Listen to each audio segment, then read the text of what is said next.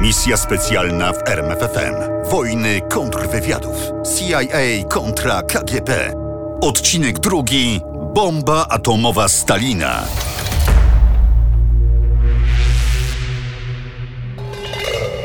Najważniejszy był Charles. Charles dołączył do grupy pod koniec 1941 roku. Zgłosił się sam i został przyjęty z otwartymi rękoma. W końcu pracował w brytyjskim tajnym ośrodku badań atomowych. Najpierw szpiegował dla wywiadu wojskowego GRU, ale w grudniu 1943 Charles opuścił Wielką Brytanię i przeniósł się do Stanów Zjednoczonych. Nie wiedział, że nie tylko zostawia Wielką Brytanię, swoją drugą ojczyznę, ale również porzuca GRU. Moskwa zdecydowała się oddać go pod kontrolę NKWD. Sonia, czyli Ursula Burton, jedyna kobieta w GRU w stopniu pułkownika i oficer prowadzący Charlesa, przekazała mu ostatnie wskazówki. W Stanach spotkasz się z Raymondem. On rozpozna cię po piłce tenisowej w dłoni. Gdybyś miał kłopoty, rozglądaj się za mężczyzną w średnim wieku, w zielonych rękawiczkach. Zapamiętasz? Harry Gold, znany Charlesowi pod pseudonimem Raymond, pracował dla NKWD od 1936 roku. Był chemikiem przemysłowym i z tej dziedziny przygotowywał raporty. Teraz miał wziąć pod opiekę Charlesa. Spotkali się w lutym 44, a potem spotykali się regularnie przez następne pięć miesięcy. Charles pracował na Uniwersytecie Columbia w Nowym Jorku nad wzbogacaniem uranu. Wszystko, co robił, zapisywał w raportach i przekazywał Raymondowi. Ale w lipcu 44 zniknął. Gdzie do cholery zgubiłeś Charlesa? Pytał wściekły Kwasnikow, szef wywiadu naukowego NKWD w Nowym Jorku. Raymond próbował się tłumaczyć, ale nie potrafił znaleźć sensownego wytłumaczenia, więc poirytowany Kwasnikow mu przerwał. Masz go znaleźć i nie interesuje mnie, jak to zrobisz. Ale Harry Gold nie znalazł Charlesa. Charles znalazł się sam. W lutym 45 przyjechał na urlop do Nowego Jorku. Przeniesiono mnie do ośrodka Los Alamos. No, nie miałem cię jak zawiadomić. Tłumaczył Raymondowi. W Los Alamos Amerykanie zbudowali ściśle tajne laboratorium naukowe, w którym zatrudnili 12 laureatów Nagrody Nobla. To tam Charles spotkał Roberta Oppenheimera i Enrico Fermiego. Żaden z nich nie wiedział, że od 1943 roku jest znany w Moskwie jako gwiazda i wydawca. Ani jeden, ani drugi nie byli agentami Moskwy. Natomiast Oppenheimer nie taił lewicowych sympatii. I ulegał swojej żonie, Kitty. To ona, będąc pod wpływem uroku pani kapitan NKWD Zoi Zarubiny, namówiła męża, by dzielił się informacjami z Charlesem. Więc się dzielił.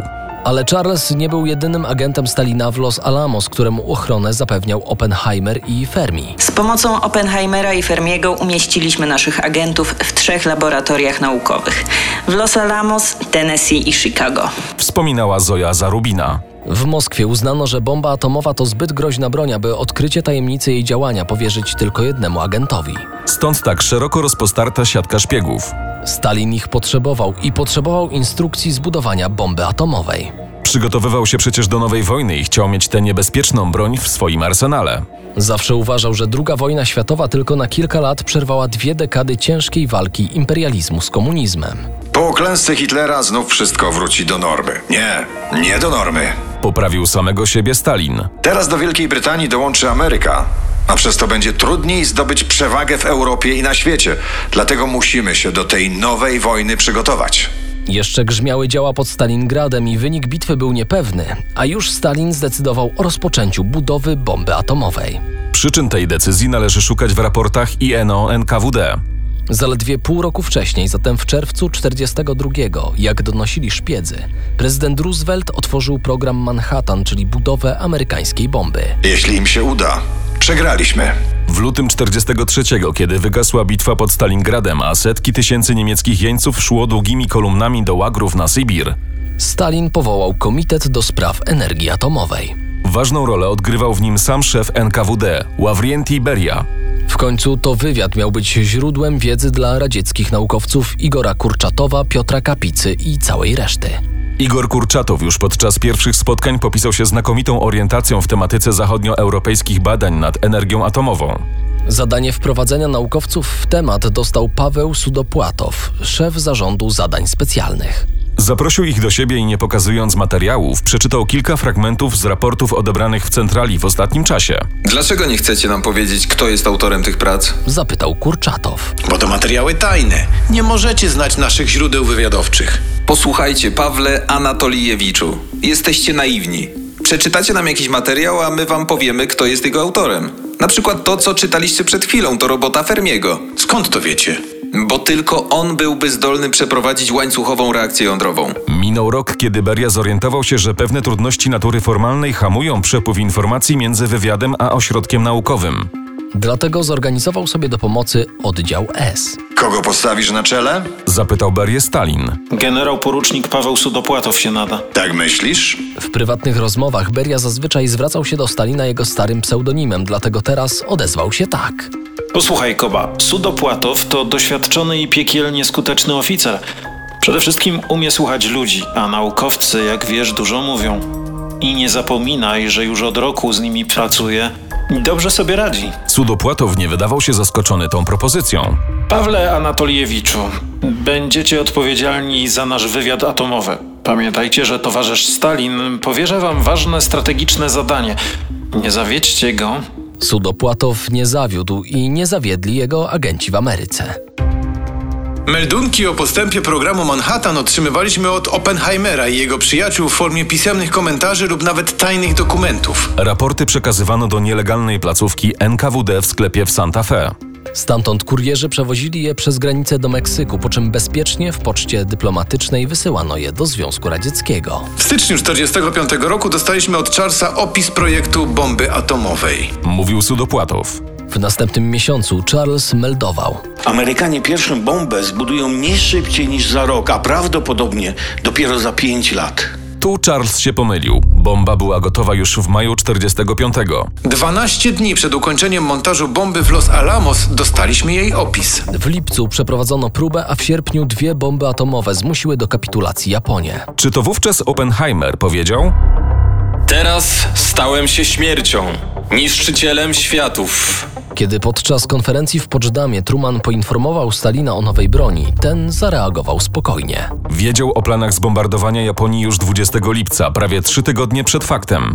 Przegrał wyścig o prymat w dziedzinie broni atomowej, a mimo to był spokojny. Dlaczego? Bo Charles przekazał również inną strategicznie ważną wiadomość. Stany Zjednoczone produkują miesięcznie 100 kg uranu, 235 i 200 kg plutonu. Dlaczego ta wiadomość była tak ważna? Na podstawie tych meldunków byliśmy pewni, że Amerykanie nie są i nie będą gotowi na wojnę nuklearną jeszcze przez 5 lat. Czyli do początku lat 50. Ale dopiero w 55 Amerykanie i Brytyjczycy będą mieli wystarczający arsenał broni atomowej, by zniszczyć Związek Radziecki. To dało Stalinowi pewność w polityce międzynarodowej wczesnych lat zimnej wojny. To on mógł dyktować warunki Amerykanom. Dlatego nie bał się blokować Berlina przez rok. Ani reakcji Stanów Zjednoczonych na pomoc, jaką udzielił chińskim komunistom Mao Tse-tunga. Po to Stalin sprowokował kryzys w Berlinie, aby odwrócić uwagę Trumana od Chin. Mówił Mołotow do Sudopłatowa. Amerykanie zorganizowali most powietrzny. Na lotnisku Tempelhof ustawiły się długie kolejki wyładowanych wszelkimi towarami, w tym węglem Dakoty. I po roku zwyciężyli. Stalin cofnął blokadę. Ale nikt w Departamencie Stanu ani w Białym Domu nie zauważył, że było to pozorne zwycięstwo, bowiem wówczas w latach 48-49 najważniejszy front zimnej wojny znajdował się w Chinach. A tam wygrał Stalin. Gdyby nie kryzys berliński, Mówił Mołotow. zwycięstwo wcale nie byłoby pewne. To było ważne zwycięstwo dla Stalina. Po Europie Wschodniej jego rewolucja ogarnęła kolejny kraj i zwyciężyła. Teraz my i Chiny wspólnie przystąpimy do walki z marionetkami angloamerykańskich imperialistów. I zwyciężymy. Marionetki z przemówienia Stalina to nic innego jak NATO. W kwietniu 1949 roku w Waszyngtonie podpisano traktat północnoatlantycki. Stany Zjednoczone i ich europejscy sojusznicy uznali, że tylko wspólnymi siłami zatrzymają agresję radziecką na zachód. Stara zasada trzech muszkieterów, jeden za wszystkich, wszyscy za jednego, zyskała nowe znaczenie. Temperatura zimnej wojny rosła. Tymczasem FBI, które przez tyle lat pozwalało wodzić się za nos agentom NKWD, wreszcie wpadło na trop atomowych szpiegów Stalina. Było jednak za późno. Zaledwie 3 lata zajęły towarzyszom radzieckim prace nad bombą atomową. Chwalił się Paweł Sudopłatow, po czym dodawał: Bez wkładu wywiadowczego nie byłoby to możliwe.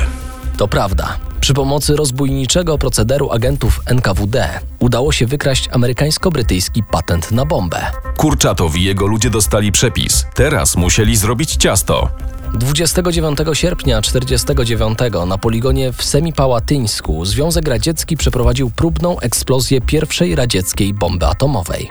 Miesiąc później, 23 września 1949 roku, prezydent Truman ogłosił, że Związek Radziecki ma bombę atomową. Prasa radziecka, zazwyczaj tak dumna z osiągnięć gospodarczych i naukowych kraju, tym razem milczała. Dlatego byliśmy zszokowani, skąd oni o tym wiedzą.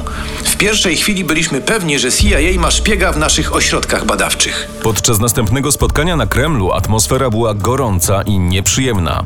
Beria i Stalin byli pewni, że pod nosem profesora Kurczatowa pracuje amerykański kret. Przestraszony Kurczatow nie mógł temu zaprzeczyć. Same słowa by nie wystarczyły, potrzebował dowodów, a tych nie miał. Do czasu. Mniej więcej po tygodniu znalazł rozwiązanie tej nieprzyjemnej dla Kremla niespodzianki. Wybuch nuklearny pozostawia ślad w atmosferze. Myślę, że amerykańskie samoloty szpiegowskie pobrały próbki powietrza gdzieś blisko naszych granic. Potem wystarczyło tylko przeanalizować jego skład w laboratorium i gotowe. To tłumaczenie profesora uchroniło nasz kraj przed brzemiennym w skutkach dochodzeniem, czy wśród nas jest kret. Mówił Sudopłatow. Rok po zakończeniu wojny Charles wrócił do Wielkiej Brytanii, jednak nadal pracował dla Rosjan. Tym razem informował ich o amerykańskich pracach nad bombą termojądrową. Ostatni raport przesłał w lutym 1949 roku. Potem, jak twierdził, Moskwa zerwała z nim kontakt. W grudniu 1949 roku zapukali do mieszkania Charlesa agenci brytyjskiego kontrwywiadu MI5.